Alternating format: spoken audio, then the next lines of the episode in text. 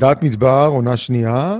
אה, אנחנו שמחים לארח את אה, דוקטור אלי אשכנזי מבית ברל ומכללת אורנים. שלום, אלי. שלום. שלום, רותי. רותי, אולי תתחיל עם השאלה הראשונה.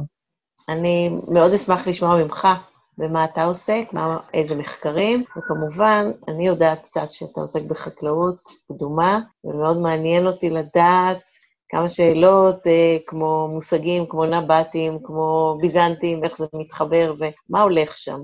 טוב, אז אה, אם נלך לפי הסדר ואנחנו ננסה להתמקד מהרחב לממוקד יותר, אז בעצם אני מתעסק בתחומי מחקר שקשורים בין, אה, נקרא לזה, האדם לבין הסביבה. כלומר, אני מסתכל על נושאים מסוימים, אם נדבר על החקלאות העתיקה, למשל על ההשפעות של המדרגות החקלאיות שמוכרות בשפה העממית כטרסות, כל מה שהאדם עושה מבחינה חקלאית לאורך הדורות, מהתקופות הקדומות ועד ימינו, בהתאם למאפיינים הסביבתיים. למשל, איך הגיאולוגיה משפיעה על הפוטנציאל החקלאי, ואז אני אעשה, אעשה סוג מסוים של טרסות חקלאיות, ואיך בעצם המרחק מהערים העתיקות, או יותר נכון היישובים העתיקים, עובדת ושבטה, על uh, תפרוסת החקלאות העתיקה ועל סוגי המערכות החקלאיות העתיקות, כי ממרחק מסוים ואילך, בעצם uh, כבר לא שווה לי לגדל סוג מסוים של גידול חקלאי, ואז אני אגדל סוג אחר. אז באופן כללי, אני uh, מסתכל על uh, כיצד הסביבה הפיזית והביוטית, הסביבה הטבעית, משפיעה על פעילות האדם, ואיך פעילות האדם משפיעה על הסביבה הטבעית לאורך התקופות, מהתקופות הקדומות ועד ימינו. אז אני אתחיל בשאלה שאתה דיברת, גיאולוגיה, חקלאות, איך זה מתחבר?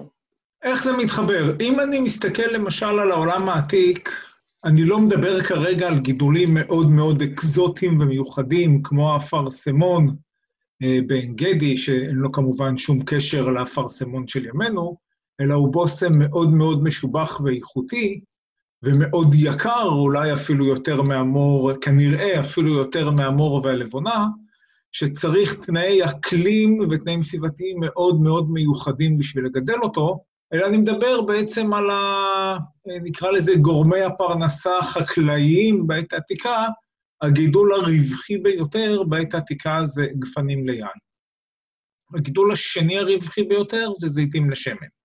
איפה שאני יכול לגדל גפנים ליין, אני אגדל גפנים ליין. נכון שליטר שמן זית תמיד היה יותר יקר מליטר יין, אבל פר דונם, היבול שאני אקבל מגפנים הוא גבוה יותר ורווחי יותר. כשאני מסתכל על אזורי הגידול של הגפנים בארץ ישראל ושל הזיתים, אנחנו מדברים על האזור הים תיכוני. נקרא לזה מאזור הרי חברון צפונה, שדרת ההר המרכזית, הגליל העליון, הגולן. כלל האצבע אומר, מעל 800 מטר אני אגדל גפנים. אנחנו רואים את זה נגיד בכפרים הערביים הנוצריים, באזור אה, בית סחור, בית לחם, לא סתם הם ממוקמים שמה. בעוד שבאזורים הנמוכים יותר, מ-800 מטר, אני אגדל זיתים. זה לא אומר שאי אפשר לגדל גפנים פחות מ-800 מטר, אבל הפוטנציאל הכלכלי הרווחי יהיה יותר נמוך. איפה שאני לא יכול לגדל אה, גפנים וזיתים, אני אגדל חיטה. האזור שמבאר שבע צפונה עד אזור קריית גת, בית קמה, קיבוץ בית קמה, קמה זה חיטה. דרומה מבאר שבע כבר יש לי פחות גשם, פחות מ-200 מילימטר גשם לשנה, אז כבר הגידול של אה, חיטה פחות רווחי לי, ואני אגדל שעורה. ובמדבר הקלאסי בעצם אין לי הרבה אופציות, כי גם אה, אני לא יכול לגדל חיטה ושעורה, ואז אני הולך למרעה.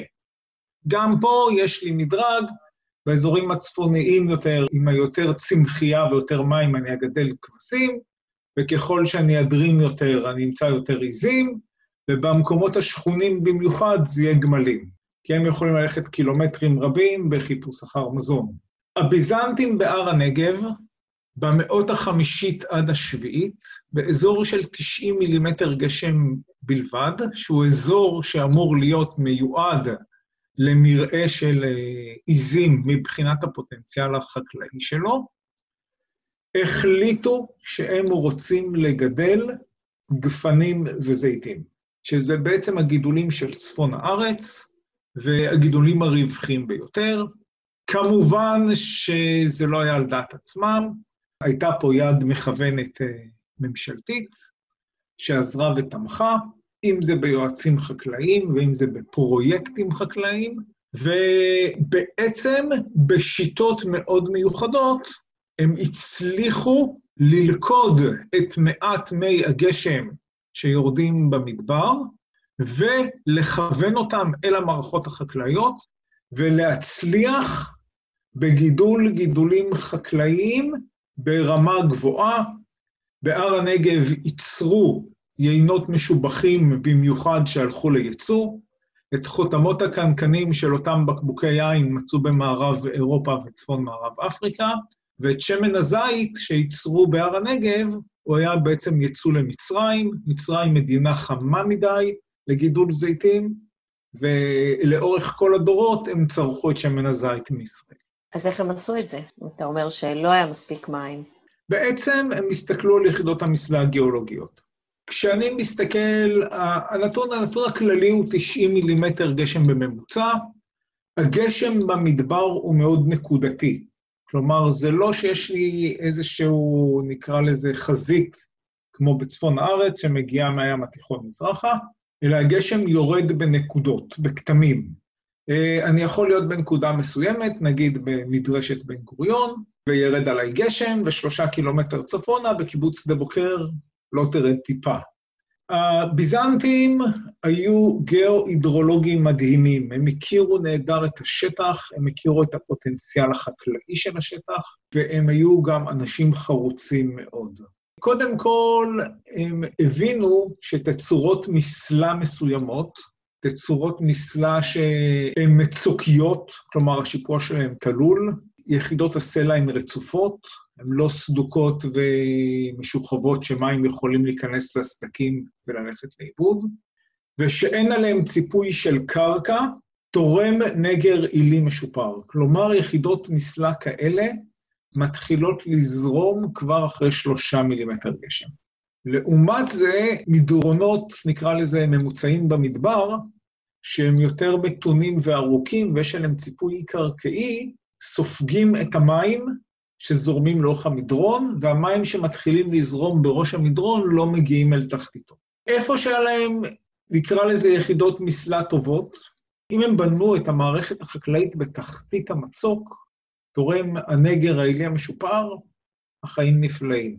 הם קיבלו הרבה גשם, הרבה מים, כי כמות הגשמים, ימי הגשם שיש לנו במדבר, שבו כמות הגשמים היא פחות מעשרה מילימטר, היא גבוהה יותר בהרבה מאשר מעל. בממוצע יש לנו יומיים בשנה מעל עשרה מילימטר גשם.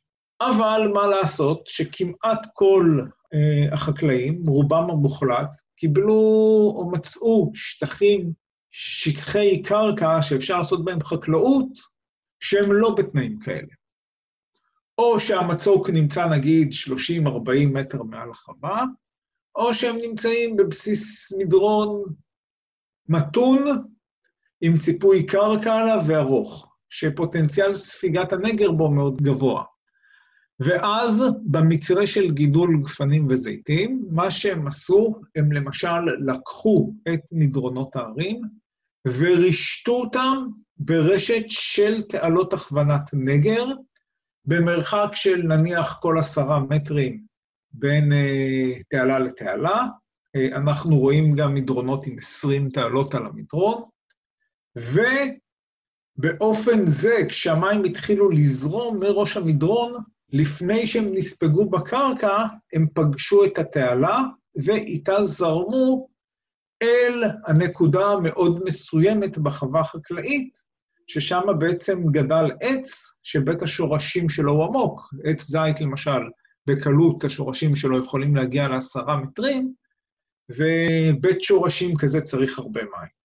במילים אחרות, הם ידעו לא רק לכוון את מי הנגר העילי באמצעות תעלות הכוונת נגר אל המערכות החקלאיות. הם ידעו גם לרכז אותם באזורים המסוימים על החלקה החקלאית, כדי שהעצים יוכלו לקבל מספיק מים בשביל להניב תנובה שתוביל לרווחיות הכי גבוהה שאפשר במסגרת התנאים הנוכחיים. אלי, אם אני מבין נכון את מה שאתה אומר, אתה בעצם מתאר uh, מערכות מים שתמכו בחקלאות, שזה בעצם הגדולה של הביזנטים. לגמרי. ואנחנו מדברים על המאה השלישית והרביעית אחרי הספירה. בין החמישית לשביעית. בין החמישית לשביעית. אבל מה קרה לפני זה? הרי טרסות קיימות uh, באזור הר הנגב במיוחד, וגם במקומות אחרים במדבר, גם לפני זה. Uh, פה יש שיח uh, מאוד לא פשוט באקדמיה. מדברים בעצם על כמה פאזות עיקריות של uh, טרסות. מדברים על פאזה אחת של תקופת בית ראשון, פאזה שנייה של התקופה, זה לא מדויק להגיד הנבטית, נקרא לה תקופה הרומית, וכמובן הפאזה הביזנטית. אני חושב שהיום יש תמימות דעים מקיר לקיר, כמעט כל החוקרים מסכימים לכך, ששיא ההתיישבות והחקלאות בהר הנגב היה בתקופה הביזנטית. כתב על זה פרופסור רחב רובין, ספר נהדר, הנגב כארץ נושבת, והוא מתאר את ימי הזוהר של ההתיישבות והחקלאות בהר הנגב. בעבר הייתה תפיסה שהייתה חקלאות מסיבית ואינטנסיבית בתקופה הנבטית, אה, כלומר בתקופה הרומית על ידי הנבטים, כתבו על זה פרופסור אברהם נגב, שהיה אחד החלוצים, נלסון גליק ועוד רבים אחרים.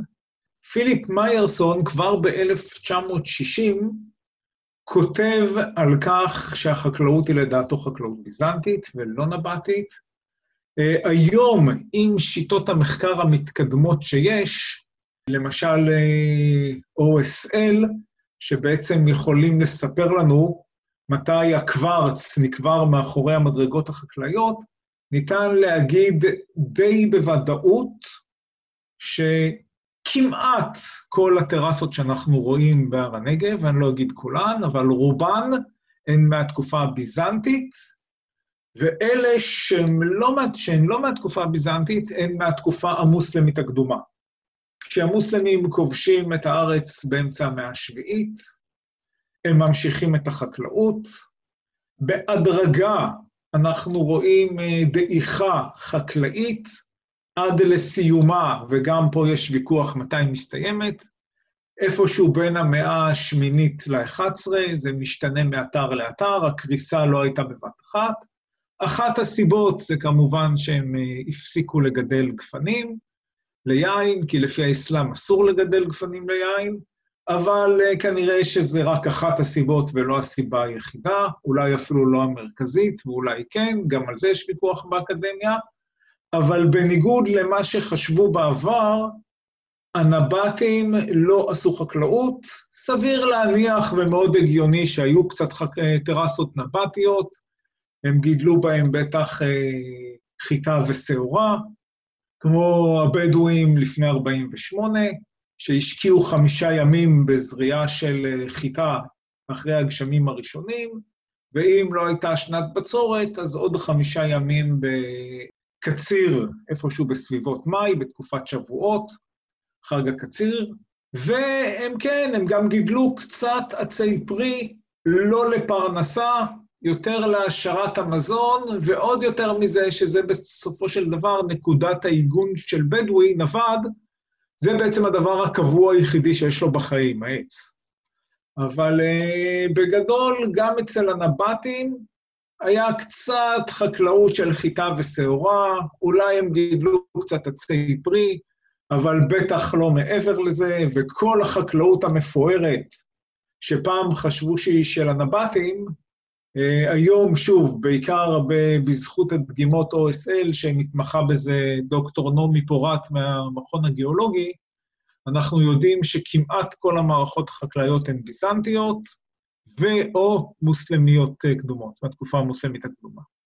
דהיינו, מה שאנחנו רואים כטרסות מבית ראשון, באשר הן קיימות, נועדו בעיקר לגידול אה, חיטה, שעורה. זה עוד סוגיה. אה, חלק גדול מהטרסות שחשבו שהן בית ראשון, אנחנו מדברים בעיקר על אזור הר הנגב הגבוה, לאורך אה, דרך האתרים, אזור נחל לוץ, בורות לוץ. אה, גם חלק גדול מהן התבררו שהן בעצם ביזנטיות. אבל פה מדברים, ואת זה אני לא חקרתי, חקרו את זה חוקרים אחרים, מדברים בעצם על שטחים שחיילים יהודיים בממלכת יהודה קיבלו אחרי שהם השתחררו, על מנת לחזק את דרך המסחר המאוד חשובה מקדש ברנע, נעת המדבר הגדולה ביותר בנגב וסיני, אל ערד. בעצם גם כן איזושהי יוזמה ממשלתית שעודדה בעצם חקלאות. איפה אנחנו מבחינת המחקר בהיבט של בית שני?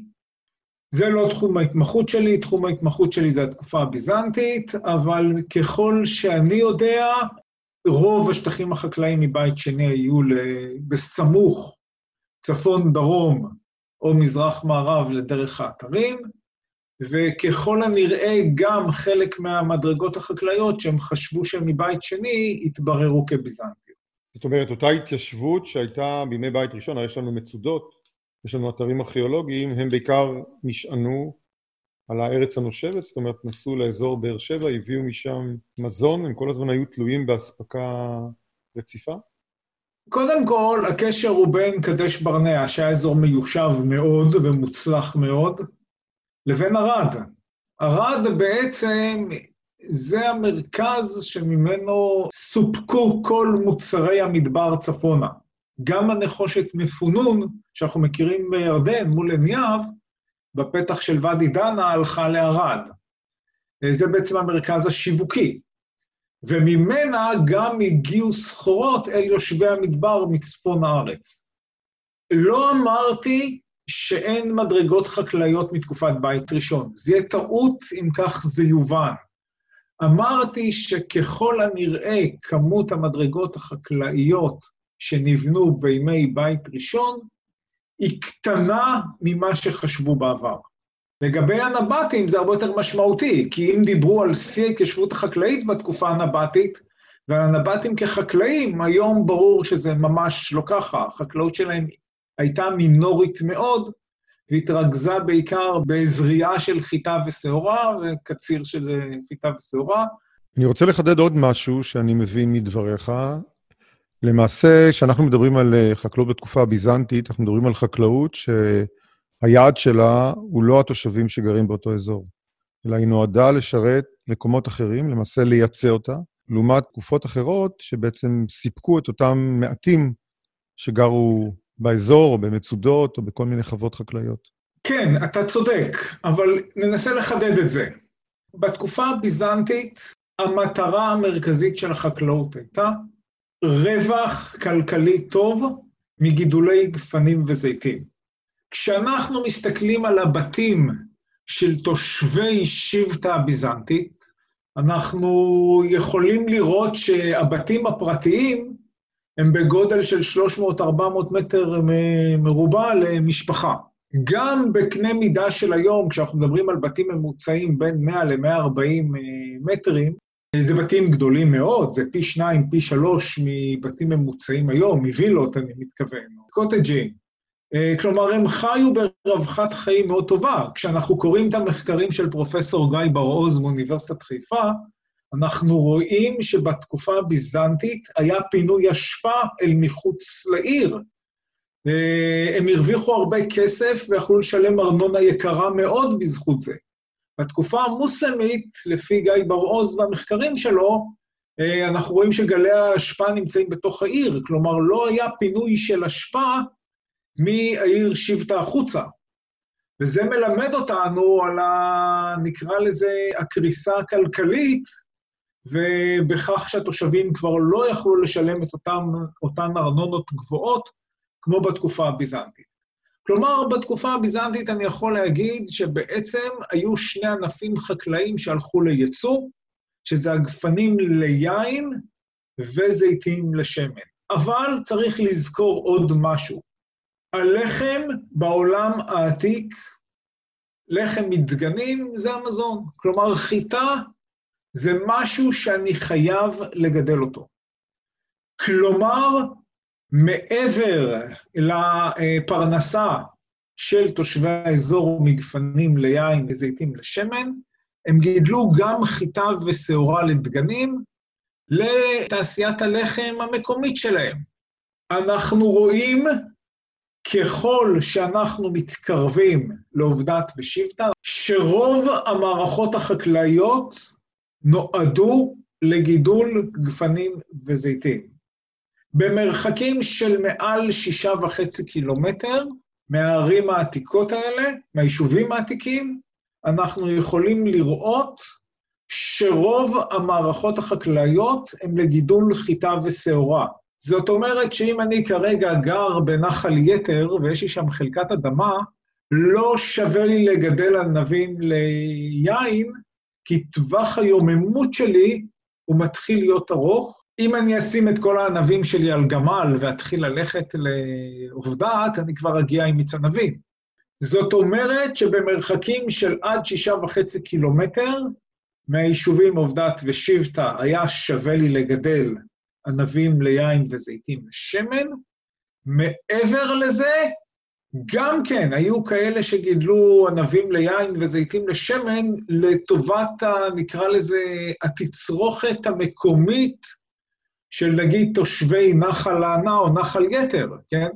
כי אז לא שווה לי לקחת גמל ולרכב לעובדת בשביל לקנות בקבוק יין.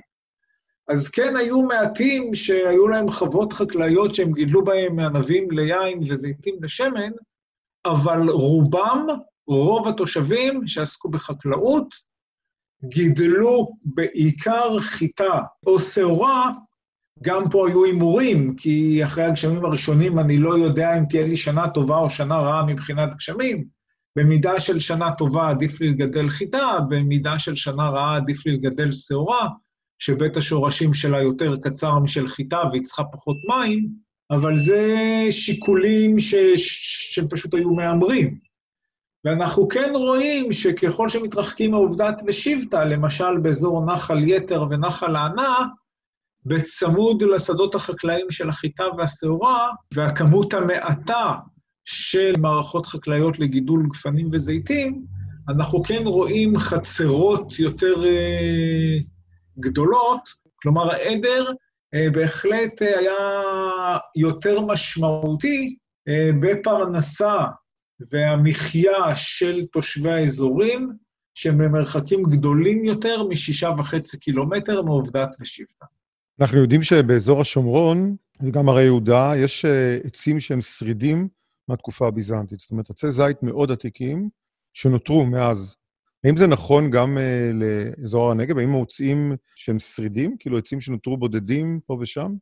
או אולי uh, זרע של עצים שנבט מאוחר יותר? בהר הנגב אנחנו מוצאים עצים עתיקים. בעיקר של זיתים, יש גם uh, שקד אחד, יש כמה תאנים, מצעי תאנה. התיארוך של העצים הוא מאוד קשה. הסיבה המרכזית היא שהרבה פעמים כשאנחנו רואים עצים עתיקים, הגזע המרכזי שלהם כבר מת, ומרוב שהוא הוביל חומרי מים ומזון, הוא פשוט נרקב ומת, ומה שאנחנו רואים זה גזעים דור ב', דור ג', דור ד', ובאמצע חור, איפה שפעם היה הגזע המרכזי.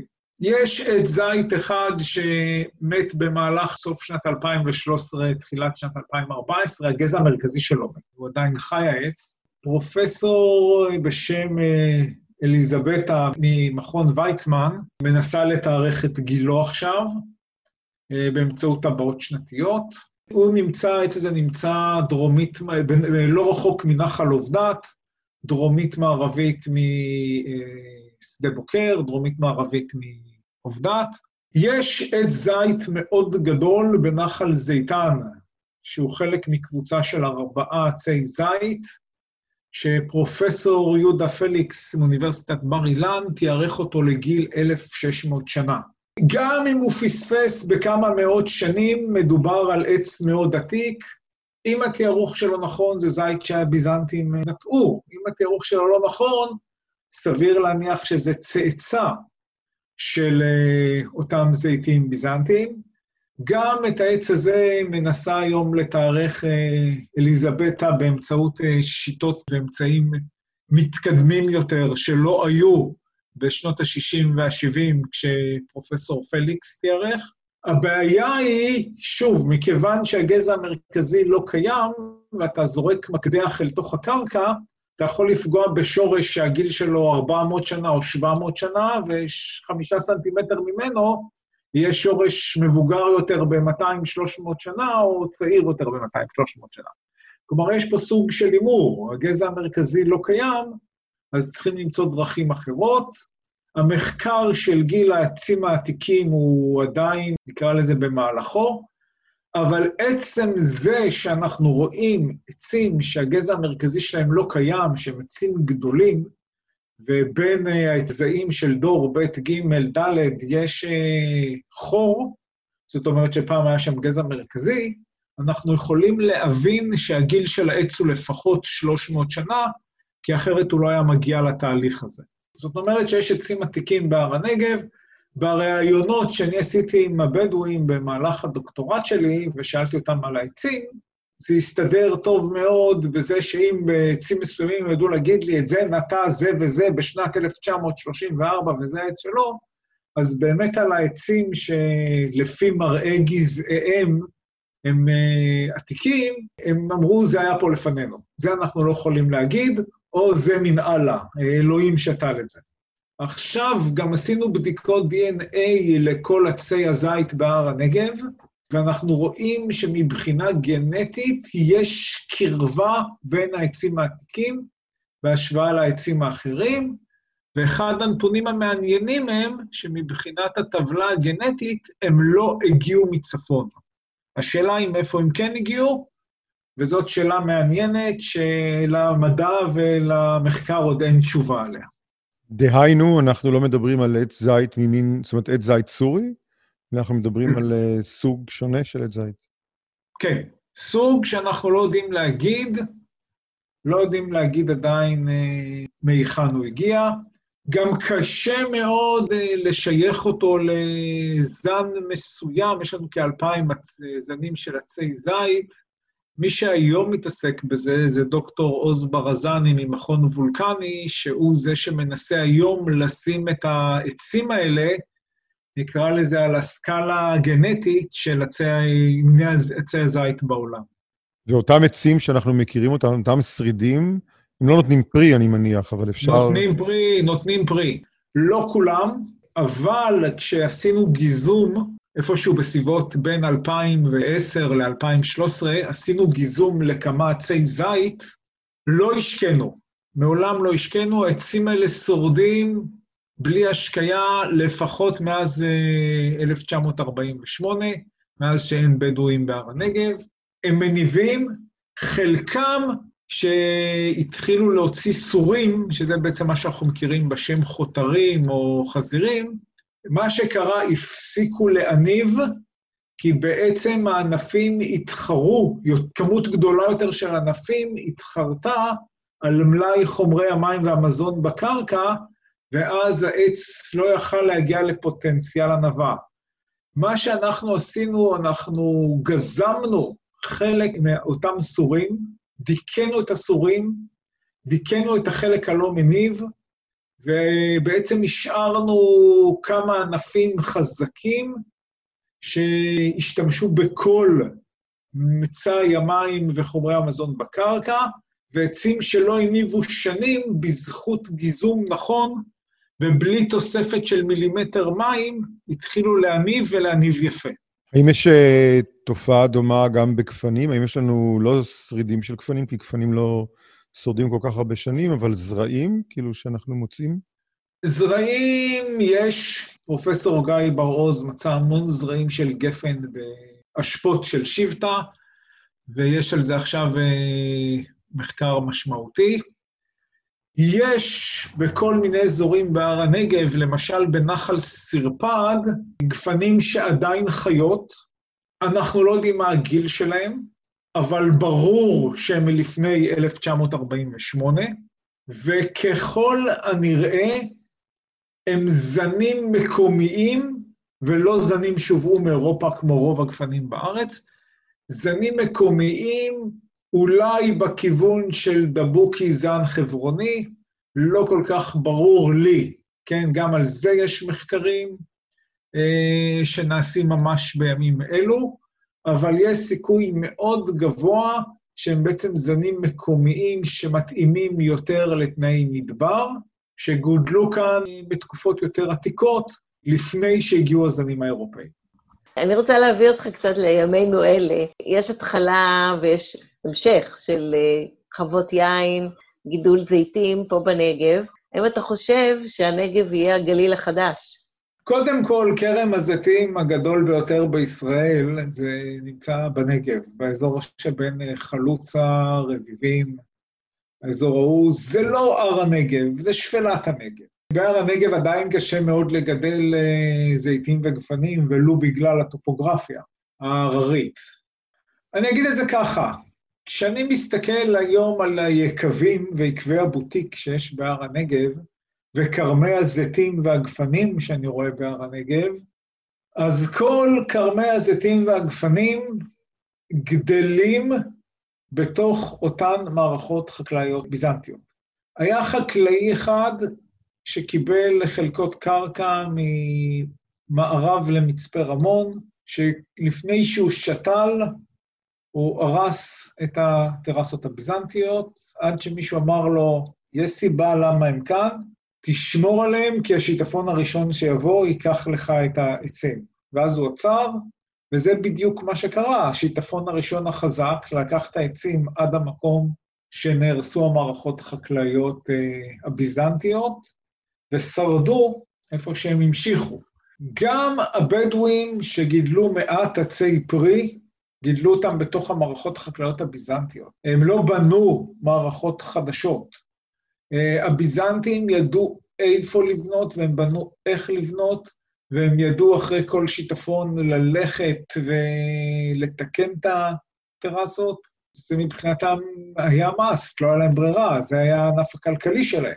וזה שהיום, בואו נגיד שלאורך כל תקופות ההיסטוריה, מהתקופה הביזנטית ועד ימינו, אנחנו רואים 1,500 שנים של שימוש באותן אה, טרסות, כשבעצם גם הבדואים וגם היהודים היום מבינים היטב, הבדואים לאורך הדורות, ובעצם אפשר להגיד שהבדואים שאנחנו רואים היום בנגב, הם מה-250 שנים האחרונות, אבל גם לפניהם היו פה איזה שתי פאזות של בדואים שהגיעו לאיזושהי תקופה ועזבו, וגם הם שתלו עצים.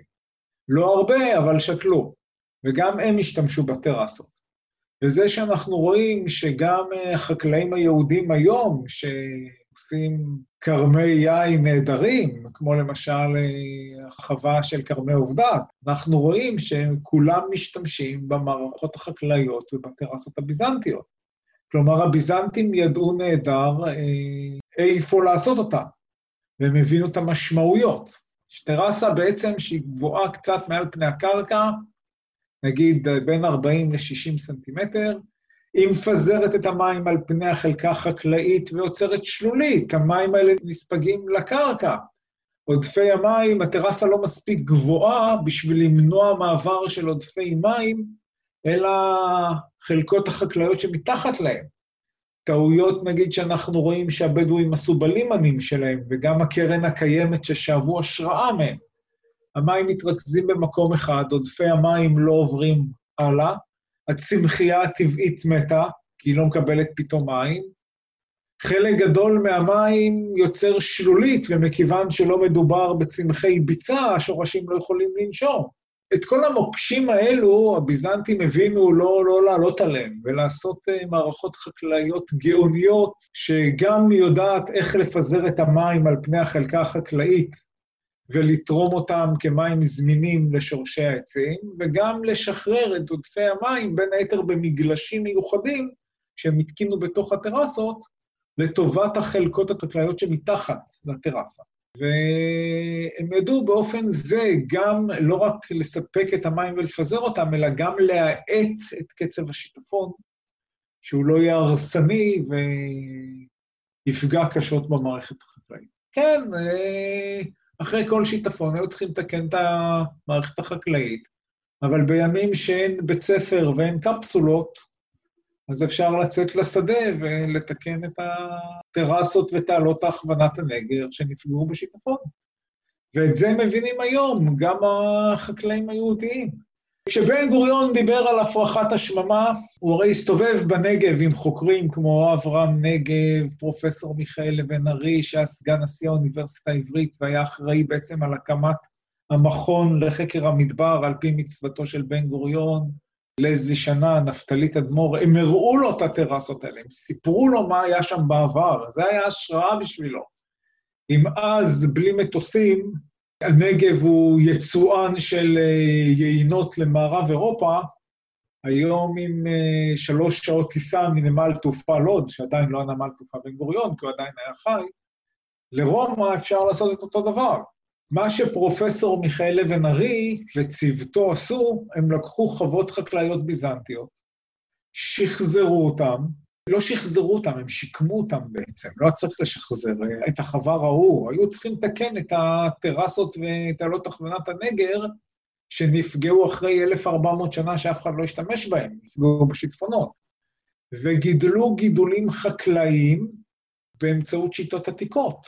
הם התחילו את הפרויקט הזה בשנות ה-50, עוד לפני שהגיעו מים אה, לנגב.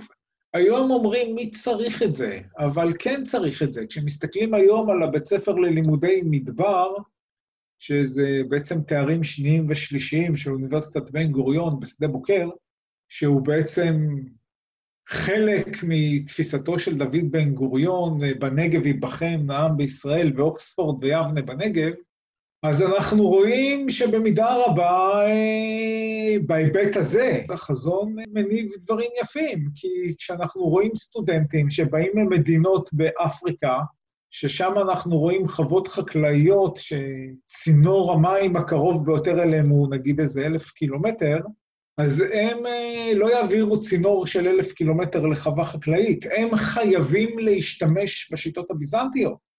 אותן שיטות שפרופסור מיכאל אבן ארי, המייסד של המכון לחקר המדבר וצוותו, בעצם שיקמו ועשו ניסויים חקלאיים על איך אפשר לגדל גידולים בימינו אנו באמצעות מי גשם בלבד, והכוונת מי הנגר העילי לחלקות החקלאיות, וכן, ואז הם חוזרים עם הידע הזה למדינות שלהם באפריקה, ומיישמים את זה שם. הם עדיין ממשיכים לחקור היום את החוות החקלאיות העתיקות מהתקופה הביזנטית בהר הנגב, במסגרת המאסטר והדוקטורט שלהם.